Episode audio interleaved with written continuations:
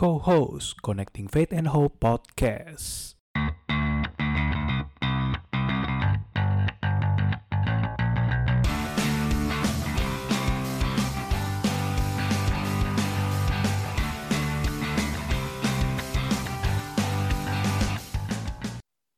Halo para sobat kos, balik lagi di episode kali ini di Connecting Faith and Hope Podcast. Dan apa kabar? Para sobat semua, bersama saya Yohanes, kembali lagi di episode kali ini. Uh, saya berharap kita semua diberi kesehatan dan juga selalu diberi uh, rezeki dan juga uh, perlindungan dari Tuhan di tengah kondisi yang sulit. Tapi saya yakin dan percaya bahwa perlindungan Tuhan selalu buat kita semua dan kita masih diizinkan untuk bertemu kembali ya di co-host di episode yang terbaru ini Buat para sobat kos, jangan lupa untuk selalu ikutin update terbaru dari kita, ya info-info tentang seputar uh, acara dari Iman Katolik dan juga episode kita yang terbaru di akun Instagram kita di @kosmedia. Dan jangan lupa untuk ikutin episode kita yang terbaru dan juga episode yang sebelumnya mungkin belum pernah dengarkan di Spotify dan juga di Apple Podcast. Bisa search langsung co-host atau Connecting Fit Podcast. Oke, okay, dan hari ini kita akan belajar lebih ke dalam uh, pendalaman iman ya. Kita akan belajar tentang bagaimana kita bisa menjadi pribadi yang rendah hati dan bagaimana kita bisa mencapai kiat-kiat kerendahan hati yang sebelumnya mungkin sudah kita sering dengar ya. Salah satu uh, orang kudus ya yang kita akan bahas pada episode kali ini yaitu Santa Teresa dari Calcutta. Dan hari ini uh, khususnya di episode kali ini ya uh, saya nggak sendirian tapi hari ini saya ditemani oleh teman saya ya dari akun yang akun Instagram media Katolik yang sudah sangat uh, kita semua kenal yaitu Jejak Kudus dan hari ini langsung dengan adminnya sendiri ya ya bersama Wisni Adi. Halo, apa kabar?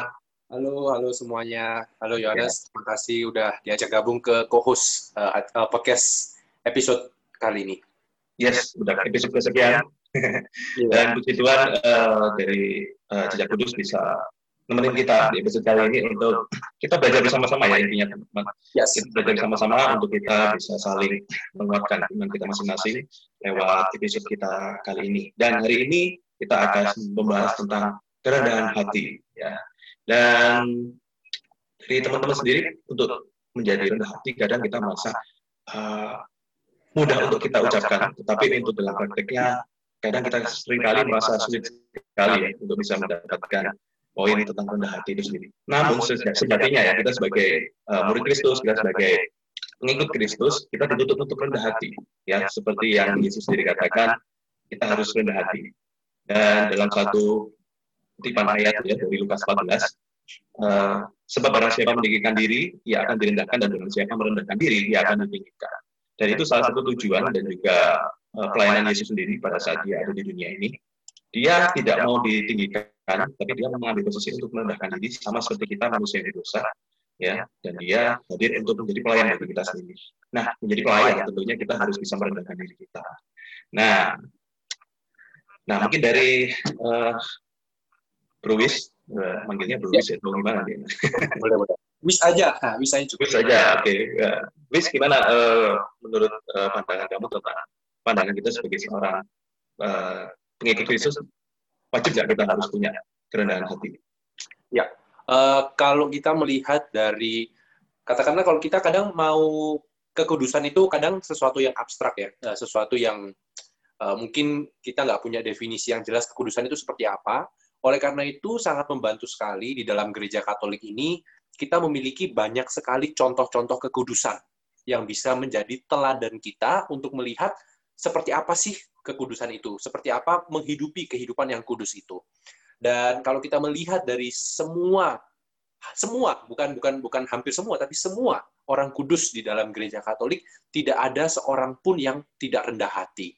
Jadi bisa dikatakan memang bahwa kerendahan hati ini adalah salah satu syarat yang mutlak untuk kekudusan dan juga pada akhirnya untuk masuk surga. Jadi kekudusan itu sangat eh, kerendahan hati itu sangat penting dan kita akan bahas lebih lanjut lagi nanti terutama di dalam hidup Santa Teresa Calcutta bagaimana kita bisa menghidupi atau menjadi lebih rendah hati di dalam kehidupan kita. Ya dan benar banget ya sebagai pengikut Kristus selama kita hidup di dunia ini kita dituntut untuk mencapai kekudusan dan sepanjang hidup kita kita dituntut dan kita belajar untuk bisa menjadi kudus. Bahwa sebelum-sebelumnya bahwa kita tahu para kudus hidupnya menjadi panutan bagi kita semua, bahwa sebelumnya juga mereka melalui perjalanan hidup yang mungkin sulit dan mungkin juga mereka jadi dalam dosa yang berat, tapi dalam proses kehidupannya mereka berjumpa dengan Kristus dan akhirnya dia bisa menjadi seorang kudus yang saat ini kita kenal, yang bisa menjadi panutan hidup kita dan khususnya pada episode kali ini kita akan belajar seorang kudus yang sudah sangat kita kenal sekali, ya, yaitu Santa Teresa dari Calcutta seperti itu. Nah, sebelum masuk ke poin pembahasan, mungkin sedikit aku akan kasih uh, apa ya introduksi dulu lah tentang siapa Santa Teresa Calcutta secara singkat dan poin di mana dia memulai perjalanan panggilan hidupnya sebagai seorang uh, birawati dan bagaimana dia memulai karya misionarisnya dalam uh, Missionaries of Cinta Kasih atau Missionaries of Charity di India. Oke, okay. jadi perjalanannya uh, sangat panjang sekali ya bahwa uh, Santa Teresa Calcutta yang punya nama kecil Agnes Gonza Bujaksyu. Oke, okay, sorry kalau ada misspelling ya, karena namanya cukup uh, susah juga karena dari bahasa Albania. Uh, ternyata uh, Santa Teresa ini sudah mulai ada panggilan untuk menjadi seorang biarawati ini pada usia 12 tahun. Dan akhirnya pada usia 18 tahun dia bergabung dengan Susan Loreto sebagai misionaris. Nah, akhirnya pada tahun 1929 dia datang ke India ya untuk memulai novisiatnya di Darjeeling dekat Pegunungan Himalaya dan juga di situ dia memulai karyanya sebagai seorang pengajar ya, di sekolah Santa Teresa di sekolah yang dekat dengan biaranya. Kemudian mengambil sumpah agama pertamanya sebagai biarawati pada tahun 1931 ya kemudian saat itu dia memilih nama Teres de Lisieux ya satu pelindung para misionaris. Namun karena salah satu biarawan di biara itu sudah memiliki nama yang sama, akhirnya uh, dia memilih uh, pengejaan Spanyol, yaitu Teresa. Dan akhirnya setelah dari situ uh, tahun 1944 dia diangkat sebagai kepala sekolah di situ, dan, tapi mulai ada panggilan ya, melihat lingkungan sekitarnya, ada kemiskinan di, di sekelilingnya, kelaparan di Bengala juga uh, membuat dia memulai ada uh, panggilan untuk di situ. Dan puncaknya pada tahun 1946 dalam sebuah perjalanan kereta api di Loreto, uh, dari Bira Loreto ke Kaluta, uh, dia menemukan bertemu dengan seorang yang miskin dan yang dia mengatakan saya haus, ya minta minum seperti itu. Dan mulai. di situ dia merasa ada panggilan untuk melayani orang miskin. dan akhirnya uh, di tahun 1949 uh, dia memulai pelayanan yang pertama bersama dengan uh, para birawan yang lain dan membentuk suatu komunitas baru yaitu komunitas Missionaries of Charity dengan uh, satu moto ya, moto atau panggilannya yaitu melayani orang-orang termiskin di antara kaum miskin. Nah, itu sekilas saja untuk panggilan uh, seorang Santa Teresa Calcutta. Teman-teman tentu bisa mencari lebih lengkap ya sumber-sumbernya uh, tentang panggilan seorang Santa Teresa dari Calcutta ini. Oke, okay. mungkin dari Wis ada sedikit tambahan untuk terkait dengan uh, sosok kudus yang akan kita dalami uh, pada episode kali ini. Ya, uh, aku cuma mau memberikan komentar bahwa sangat menarik uh, topik hari ini. Kita itu membahas tentang kerendahan hati dan juga uh, nama yang dipilih oleh Santa Teresa untuk ordonya yang baru atau komunitas yang baru adalah misionaris cinta kasih atau missionary, missionary of charity. Bahwa memang kedua hal ini, kerendahan hati dan cinta kasih itu tidak bisa dipungkiri, eh, tidak bisa dipisahkan. Jadi keduanya ini selalu harus uh, seperti dua sisi dari satu koin yang sama Kenapa kok seperti itu? Nanti kita akan bahas melihat 15 eh, atau 14 hal-hal yang direkomendasikan oleh Santa Teresa tentang bagaimana kita bisa menjadi lebih rendah hati. Akan tetapi sebelum kita masuk ke daftar tersebut, kita perlu tahu bahwa Santa Teresa melakukan 14 hal itu bukan untuk uh, sekedar mengecilkan dirinya, bukan sekedar untuk uh, menganggap dirinya ini nggak penting, tetapi ada tujuan yang lebih dalam yaitu tujuannya adalah dia mengosongkan dirinya agar dia bisa lebih mengasihi. Jadi makanya sangat menarik antara kerendahan hati dan juga cinta kasih. Kenapa kok seperti ini? Karena kita perlu sadari bahwa iman, harapan, dan kasih itu adalah karunia Tuhan. Iman, harapan, dan kasih adalah pemberian Tuhan. Santo Paulus mengatakan di uh, eh, 1 Korintus. Uh, jadi kalau kita mau menerima, Santa Teresa menyadari kalau kita karena iman, harapan, dan kasih adalah pemberian Tuhan, maka untuk bisa menerima, untuk bisa lebih mengasihi orang, maka Santa Teresa harus mengosongkan diri sampai sekosong-kosongnya, sehingga dia bisa menerima karunia sebanyak-banyaknya dan membagikan karunia iman, harapan, dan kasih itu kepada orang yang miskin, yang paling miskin di antara yang miskin. Jadi itu kedua hubungan yang sangat menarik antara kerendahan hati yang akan kita bahas hari ini dan juga tujuan misi dari Santa Teresa untuk melayani, mengasihi mereka yang paling miskin di antara yang miskin. Benar, jadi memang ada kaitan antara kerendahan hati dan cinta kasih. Jadi tanpa cinta kasih, nggak mungkin ada kerendahan hati. Kerendahan hati itu memulai untuk kita bisa memberikan kasih kita kepada sesama. Dan seperti yang dari Santa Teresa juga katakan bahwa kekosongan dan juga kerendahan hati itu yang dibutuhkan oleh Allah, ya. bukan dari kelimpahan yang kita punya. Yes. Gitu. Ada satu kutipan Santa Teresa yang sangat menarik. Dia uh, mengatakan, uh, aku bisa melakukan apa yang tidak tidak bisa kamu lakukan dan kamu bisa melakukan apa yang tidak bisa aku lakukan. Bersama-sama kita bisa melakukan sesuatu yang besar. Jadi ini kayak uh, membuat satu tanda kerendahan hati yang benar-benar dihidupi, disemangati oleh Santa Teresa uh, dari Kalkuta. Dia tidak berusaha untuk menjadi segala-galanya, tetapi dia menyadari, aku bisa melakukan apa yang aku bisa. Aku bisa melakukan apa yang kamu nggak bisa, dan kamu bisa melakukan apa yang aku nggak bisa. Jadi untuk menjalani misi cinta kasih ini, di sinilah uh, kita semua uh, sebagai umat Kristiani, sebagai pengikut Kristus bisa saling melengkapi satu sama lain untuk menjadi misionaris cinta kasih bagi well, bagi semua orang yang ada di sekitar kita. Ya, benar banget ya. Jadi itu satu poin pembelajaran yang bisa kita petik dari uh, Santa Teresa bahwa ya kerendahan hati ya dan bagaimana bagaimana bisa seorang melayani seorang yang termiskin di dunia ini ya. Yang sebenarnya dia bisa memiliki kenyamanan yang ada di dunia ini bahkan mungkin bisa kita relatekan dengan kehidupan kita sendiri ya. Di mana kita mungkin sekarang bisa dalam kondisi hidup yang nyaman kita mungkin uh, bisa mendapatkan sesuatu yang dengan mudah seperti tidak seperti orang yang orang lain yang bisa mendapatkannya dengan mudah tapi kadang kita juga merupakan untuk uh, apa ya bisa berbagi dengan orang lain. Tapi dari pelajaran ini kita bisa memetik bahwa cinta kasih yang sesungguhnya itu hadir dalam diri kita setiap kita memiliki hal itu tapi tentunya dengan modal kerendahan hati itulah kasih Tuhan dapat terpancar melalui diri kita sebagai pengikut-pengikut Kristus dan juga bisa memberikan uh, pesan yang baik bagi dunia ini bahwa kasih itu masih ada di tengah-tengah kita sendiri dan semua orang bisa merasakan hal itu. Dan okay. kita kita bisa melihat juga Yohanes uh, kalau tanpa didukung oleh kerendahan hati yang Santa Teresa miliki, mungkin namanya nama dia nggak akan terkenang sampai sekarang. Mungkin nama dia nggak akan me, diketahui oleh oleh uh, ya hampir semua orang di dunia ini tahu siapa Santa Teresa dan aku merasa kalau dia tidak memiliki kerendahan hati itu dia dengan segala keterbatasannya mencoba melakukan apa yang dia bisa dengan kekuatannya sendiri rasanya dia nggak akan nggak akan bisa membuat impact yang se, sebesar ini. Dan ini suatu apa ya suatu paradoks dari kerendahan hati. Bahwa kadang kita ingin melakukan hal yang besar. Dan kita merasa untuk melakukan hal yang besar ya kita harus memiliki kemampuan yang besar.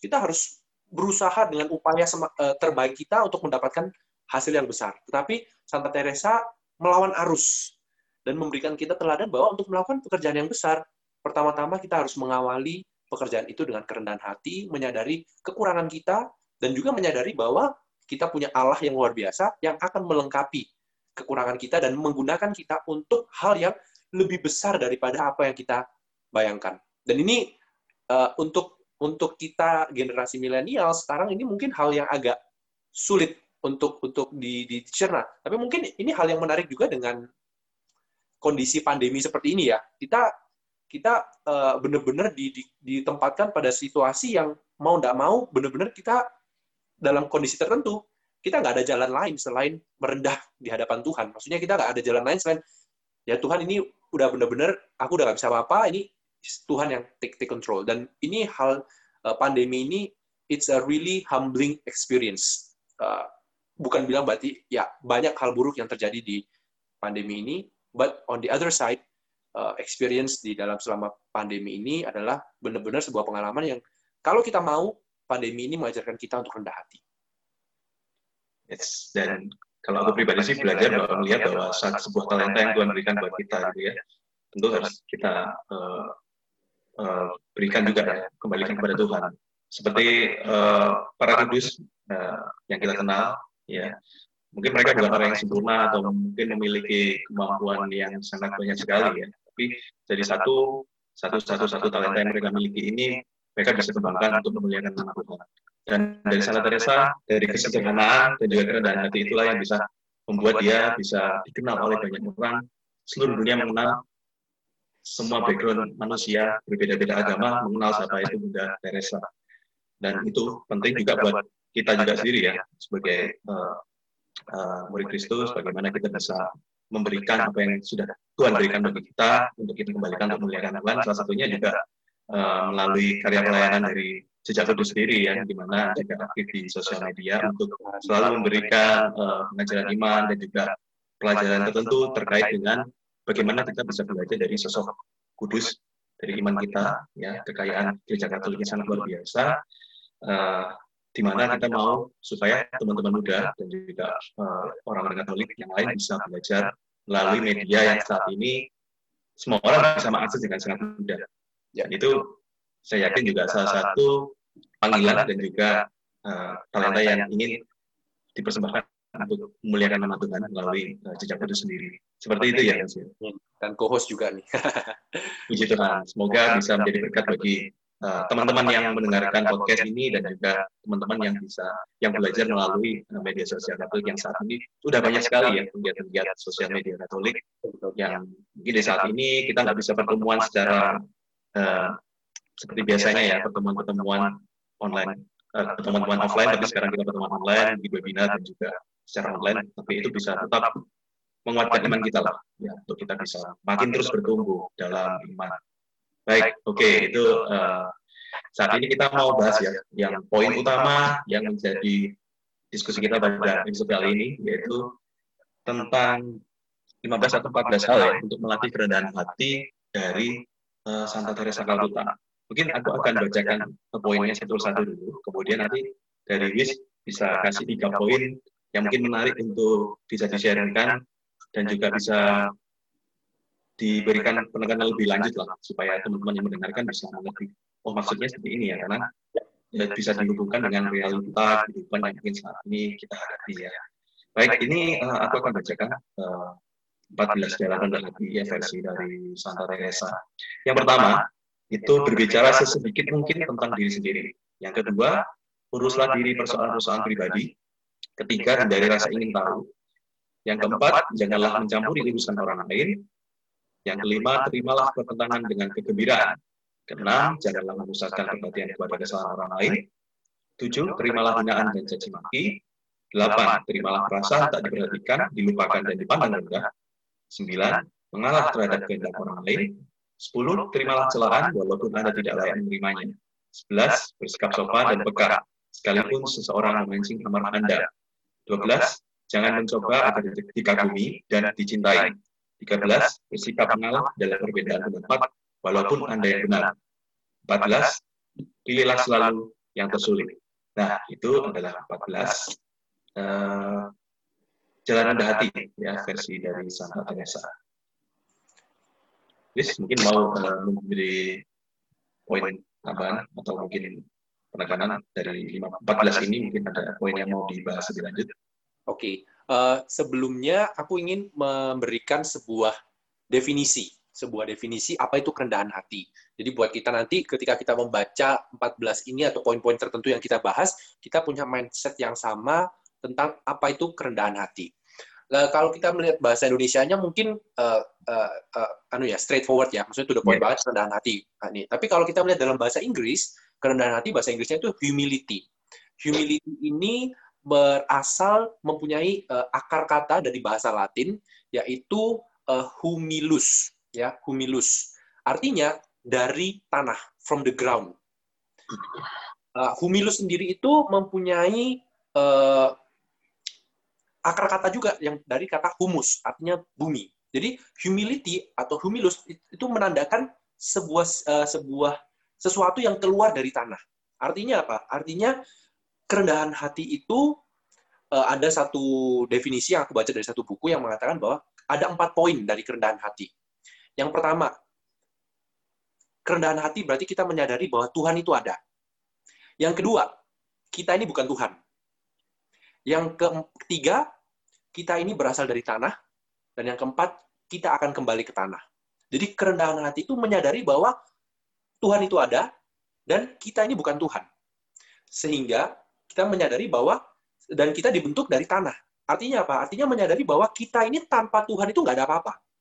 Jadi kerendahan hati itu uh, mungkin kalau dalam sisi uh, secara umum kadang kita ya rendah hati itu ya kita uh, nggak pamer, kita nggak sombong, kita menyadari kekurangan kita. Tapi sebenarnya lebih dari itu kerendahan hati itu menyadari bahwa kita tanpa Tuhan itu nggak ada apa-apanya. Dan kita ada karena Tuhan untuk melakukan pekerjaan Tuhan, untuk melakukan kehendak Tuhan. Jadi kita uh, bukan hanya mengosongkan diri melihat dengan dengan sikap memandang rendah, maksudnya wah kamu ini nggak ada artinya, apa kamu ini uh, nggak berarti, cuman buat terbuat dari tanah dan lain-lain. Nggak, tapi kita melihat bahwa kita memang nggak ada artinya, tapi karena ada Tuhan sekarang kita menjadi berarti dan kita mempunyai tujuan untuk melakukan karya Tuhan atau kita mempunyai tujuan untuk melakukan apa yang menjadi kehendak Tuhan. Nah, sering kali apa yang menghalangi kita melakukan kehendak Tuhan? Ego kita yang menghalangi kita melakukan kehendak Tuhan adalah ego kita, kehendak kita. Kita mau melakukan apa yang kita mau, bukan apa yang Tuhan mau. Oleh karena itu, dengan pemahaman ini, dengan definisi ini, kita bisa melihat 14 jalan rendah hati dari Santa Teresa ini memiliki tujuan untuk mengurangi ego kita, untuk melatih kita mengatakan, uh, untuk melatih kita me mengorbankan apa yang kita kehendaki agar kita bisa melakukan kehendak Tuhan. Jadi itu makanya di poin yang pertama, berbicara sedikit mungkin tentang diri sendiri. Yeah. Ini apa? Apakah itu artinya kita nggak boleh posting foto selfie di sosial media, kita nggak boleh cerita tentang diri kita, kita nggak boleh share good news atau share talenta yang kita miliki?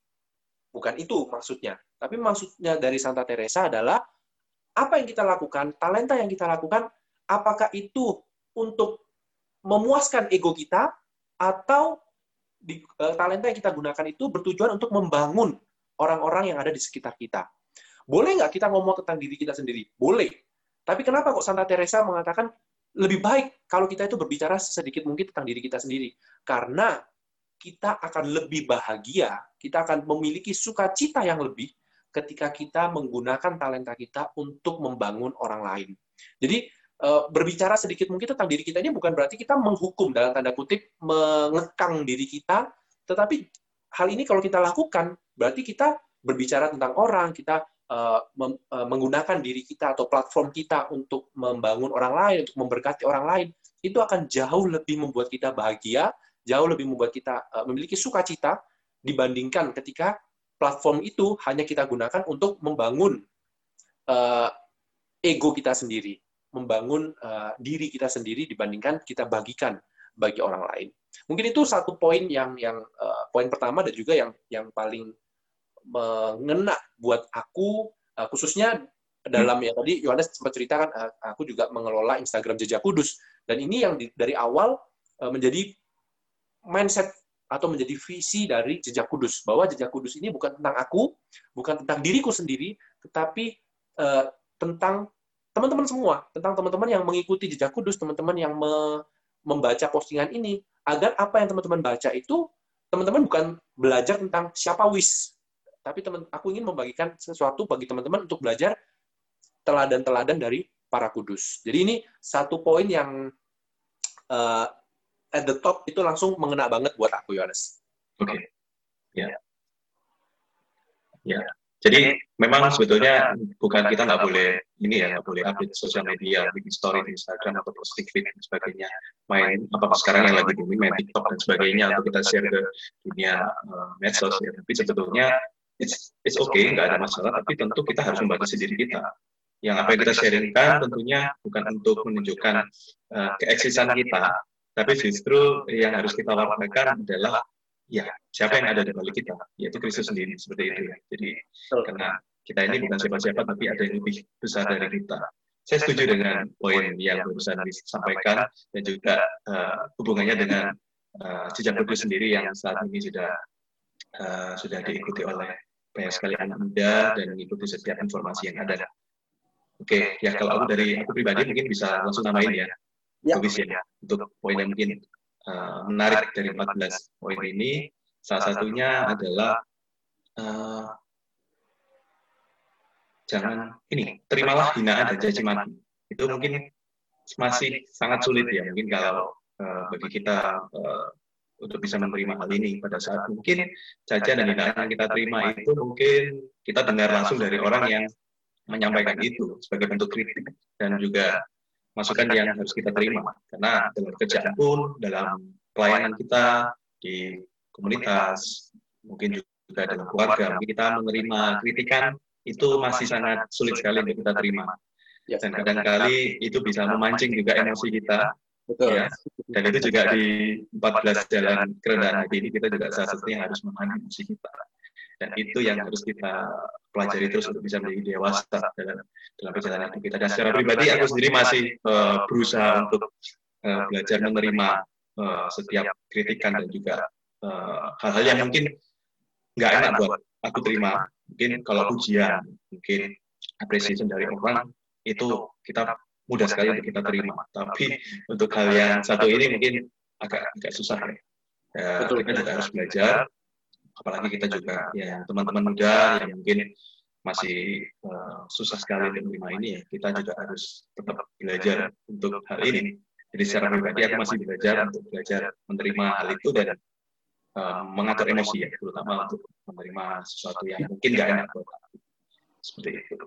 Ya, dan ini ada satu kutipan dari Santa Teresa yang mengatakan uh, ketika kita rendah hati itu semakin kita mengecilkan diri kita, semakin kita akan aman dari baik hinaan maupun pujian. Jadi ketika kita semakin mengecilkan diri kita, kita semakin merendahkan diri kita, kalau pujian kita juga nggak akan kayak seakan-akan langsung jadi kayak uh, terbang diangkat ke langit ketujuh ataupun ketika kita menerima uh, kritikan pun kita juga akan langsung jatuh dari angan-angan kita yang udah tinggi banget. Jadi uh, memang kenapa kok uh, poin yang ketujuh ini terimalah hinaan dan cacian itu menjadi bagian dari latihan kerendahan hati karena ber, ini ditujukan untuk membantu kita untuk menjadi semakin ego kita menjadi semakin lebih kecil. Sebenarnya ketika kita melihat mendengar hinaan atau celaan, kalau kita melihat secara objektif bahwa apa yang disampaikan itu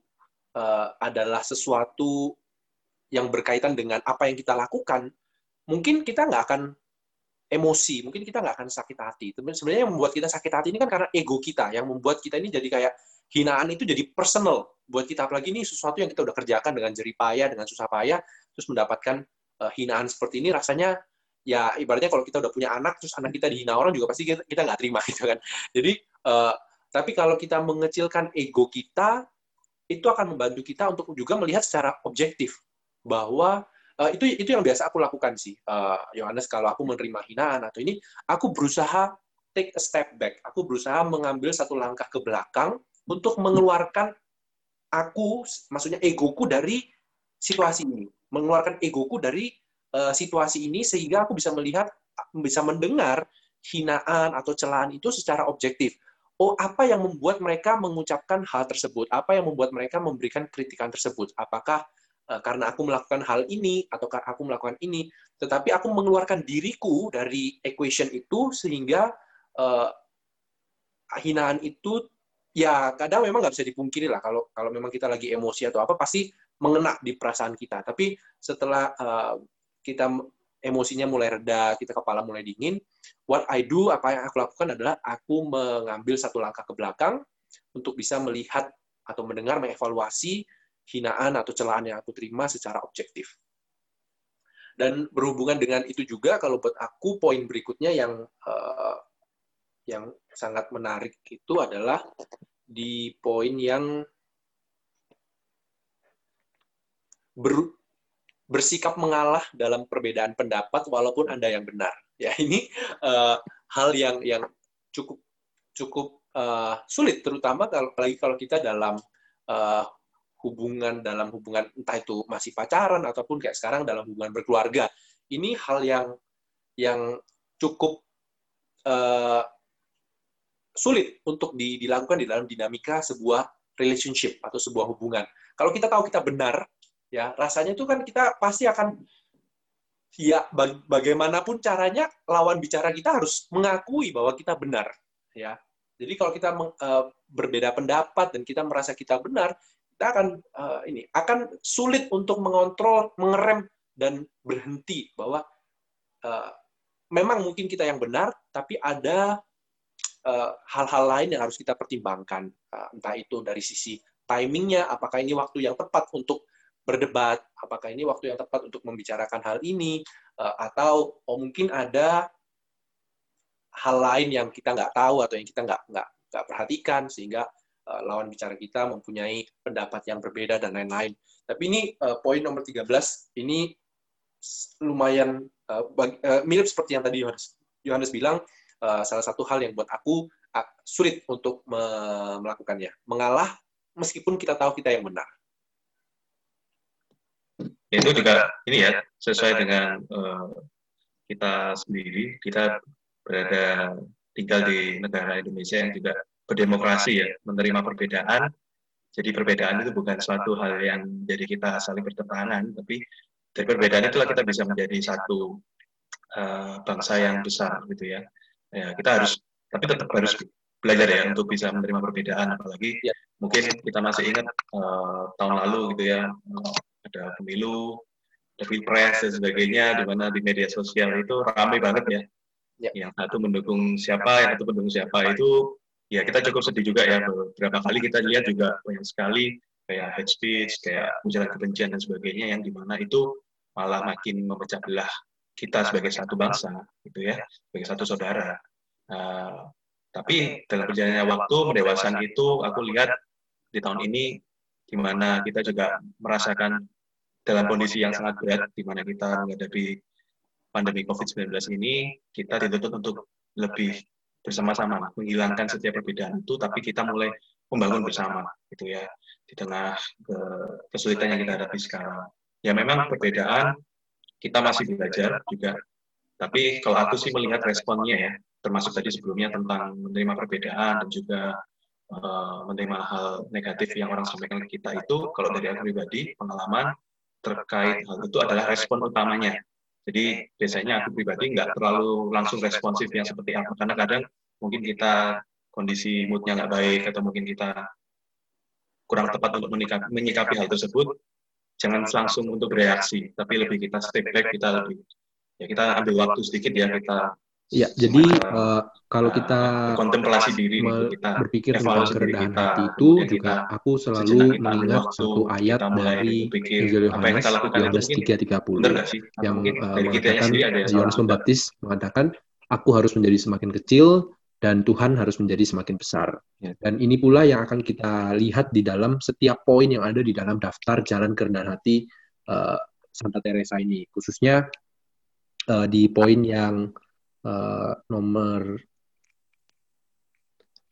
nomor tujuh yang tadi ya terimalah hmm. hinaan caci maki terus yang nomor delapan terimalah perasaan tidak diperhatikan dilupakan dipandang rendah ini semua hal-hal yang juga dialami oleh Kristus oleh Yesus sendiri dan uh, berkaitan dengan Injil Yohanes 3:30 tadi itu 14 jalan kerendahan hati dari Santa Teresa ini uh, bukan hanya bertujuan untuk mengecilkan diri kita tetapi ada poin keduanya yaitu kita menjadi kecil supaya Tuhan itu menjadi semakin besar. Dan inilah kerendahan hati yang sejati, kerendahan, kerendahan hati yang utuh. Bukan hanya kita mengecilkan diri, tapi kita mengecilkan diri agar Tuhan itu bisa menjadi semakin besar. Oleh karena itu, poin terakhir yang aku yang mengena banget buat aku itu adalah poin ke-14. Pilihlah selalu yang tersulit. Ya. Yeah. Dan ini secara uh, sehari-hari ini adalah hal yang bisa kita lakukan baik di dalam keluarga, di dalam hubungan pertemanan, ataupun di di mana pun lah, di kantor, pekerjaan, dan sebagainya.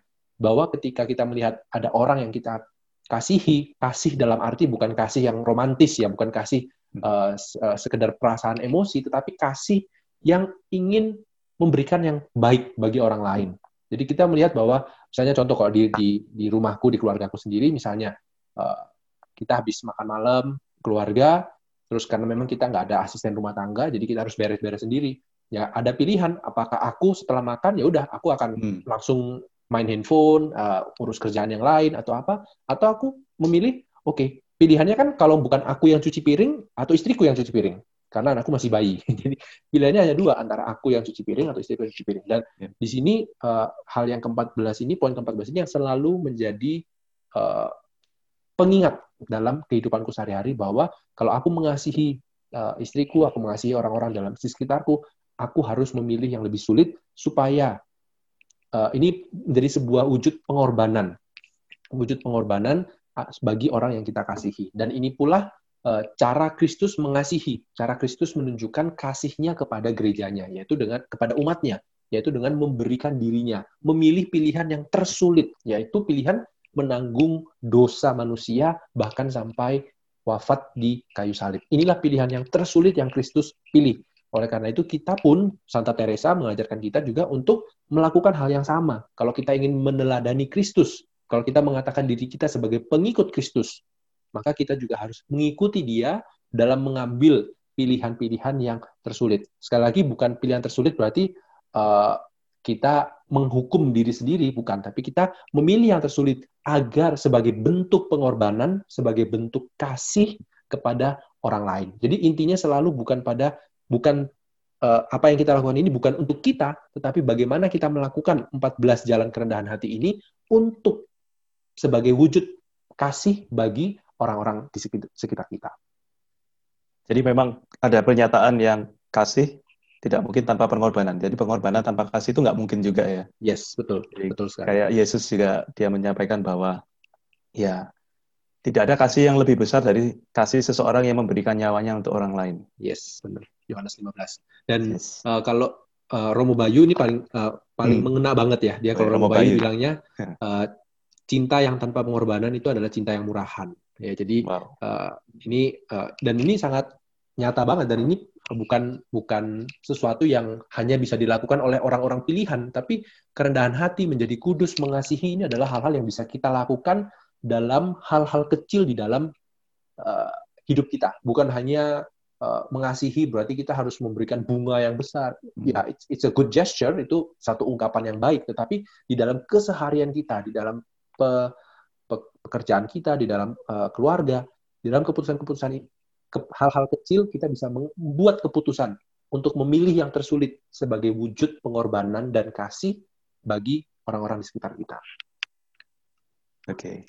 Oke, Wis, eh, mungkin di eh, bagian terakhir ini kita bisa sedikit sharing ya dari Wis mungkin tentang kesaksian imannya tentang kerendahan hati dalam pekerjaan, dalam keluarga, dan mungkin juga dalam pelayanan Wis. Uh, jadi kalau aku dulu ketika masih awal-awal uh, masuk dalam dunia pelayanan itu uh, kerendahan hati ini adalah salah satu hal yang uh, cukup cukup sulit untuk di, dilakukan. Karena uh, pada saat itu apa ya aku masih mempunyai keinginan bahwa oh, aku harus tampil. Aku harus aku aku punya pengetahuan dan aku harus men-sharingkan ini semua. Dan orang harus tahu bahwa aku ini uh, tahu banyak hal tentang para kudus dan lain-lain atau ajaran gereja dan lain-lain. Jadi I like to preach, I like to aku suka uh, ya berbicara. Jadi menjadi uh, tampil di depan. Tetapi seiring berjalannya waktu, aku sekarang mempunyai uh, role model kerendahan hati yang berbeda atau role model kekudusan yang berbeda ketika uh, kalau kita datang ke gereja, aku suka melihat Uh, kebetulan kalau di Redentor Mundi itu.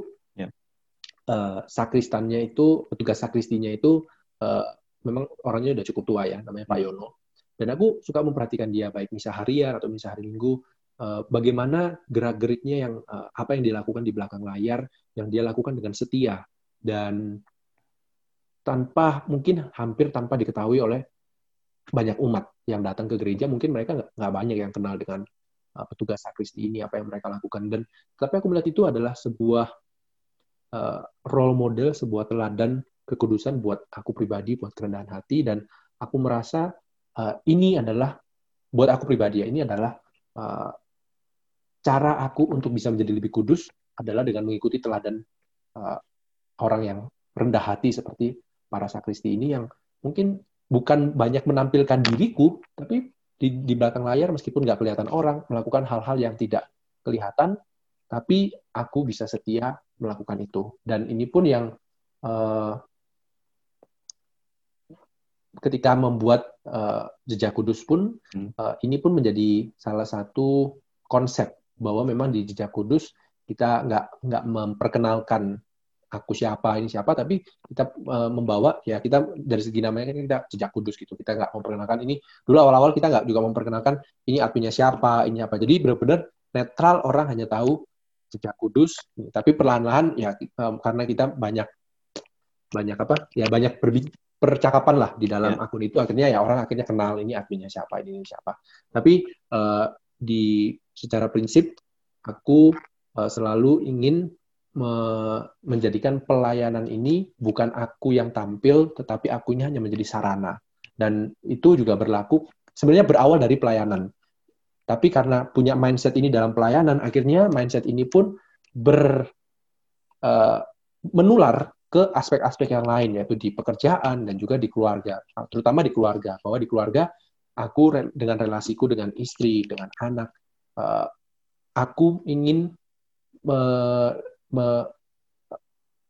membawa mereka atau memperkenalkan mereka bukan menunjukkan aku ini kehebatanku seperti apa tetapi aku ingin lebih memperkenalkan mereka pada seberapa hebat Tuhan atau Allah yang bekerja di dalam aku sebagai suami ataupun juga sebagai ayah dari uh, keluargaku ini. Jadi uh, kerendahan hati ini adalah hal yang uh, seperti Yohanes bilang, seperti yang tadi Yohanes sharingkan juga, aku belum belum masih bergumul banyak tentang hal ini, masih banyak sekali hal yang menjadi PR dan menjadi ini. Tetapi satu hal yang aku bisa sharingkan buat teman-teman, jangan menunggu, jangan menunggu. Uh, oh aku uh, belum bisa begini, berarti nggak dulu deh, atau nanti aja, nggak kalau kita nggak mulai sekarang, kita nggak melatih untuk rendah hati dari keputusan-keputusan kecil, kita nggak akan pernah sampai pada uh, kerendahan hati yang sejati. Terkadang pasti kita ya namanya manusia bakal terpancing dengan emosi, terpancing dengan ini. It's okay, it's it's normal. Makanya kita ada di gereja kita juga punya sakramen pengakuan dosa. Kalau memang itu sudah akhirnya jatuh dalam dosa ya kita mengaku dosa untuk uh, mengembalikan uh, sorry, di gereja kita punya namanya sakramen pengakuan dosa, dan sakramen pengakuan dosa ini adalah salah satu sarana untuk melatih kita memiliki kerendahan hati. Karena tidak ada tidak ada ungkapan kerendahan hati yang terdalam selain berani mengakui dosa dan kesalahan kita. Jadi ini aku dan uh, keluargaku dan istriku juga kita uh, secara rutin kita berusaha lah kadang ya masih bolong tapi kita berusaha kadang sekitar sebulan dua bulan sekali kita pengakuan dosa bersama uh, sebagai benar-benar menempatkan kerendahan hati itu di tengah-tengah keluarga kita dan ini yang akan secara langsung maupun secara tidak langsung yang akan membantu uh, dinamika hubungan antara suami dan istri juga karena kan kalau kita uh, suami dan istri sama-sama punya ego yang tinggi, kan rentan konflik ya. Uh, resikonya untuk untuk berargumen dan lain-lain itu cukup tinggi. Tapi kalau kita bersama-sama suami dan istri ataupun dengan keluarga pada umumnya kita mau berkomitmen atau mau bersama-sama menerima sakramen pengakuan dosa secara rutin, secara tidak langsung ini akan melatih kita untuk menjadi lebih rendah hati dan ketika di dalam hubungan keluarga, di dalam hidup berkeluarga, akan lebih mudah melakukan 14 hal yang Santa Teresa sampaikan tadi. Well, ya, yeah. thank you buat sharingnya ya, Wis. Luar biasa uh, bisa menjadi. Aku banyak belajar juga dari diskusi kita ya di episode kali ini ya, bahwa apa pun uh, teman-teman yang mendengarkan podcast ini semoga bisa makin mengenal dan mau untuk belajar menjadi rendah hati. Dan ya, Wis, thank you buat waktunya. Terima kasih. Dari Jejak Kudus. Terima kasih buat waktunya dan semoga di episode-episode dari call selanjutnya kita bisa uh, ketemu lagi ya. Iya, pasti pasti.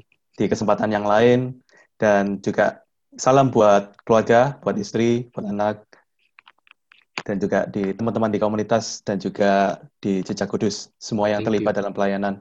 Semoga makin bisa menjadi perpanjangan tangan Tuhan buat anak-anak muda yang mengikuti Jejak Kudus dan bisa terus menginspirasi para penggiat sosial media Katolik, khususnya Go sendiri juga terinspirasi sekali dari pelayanan Jejak Kudus. Amin, puji Tuhan. Baik, sobat sobat kol semuanya, terima kasih telah join di kita di episode kali ini. Kita ketemu lagi di episode selanjutnya dan sampai jumpa. God bless you and see you in the next episode. Bye. Bye bye. Thank you.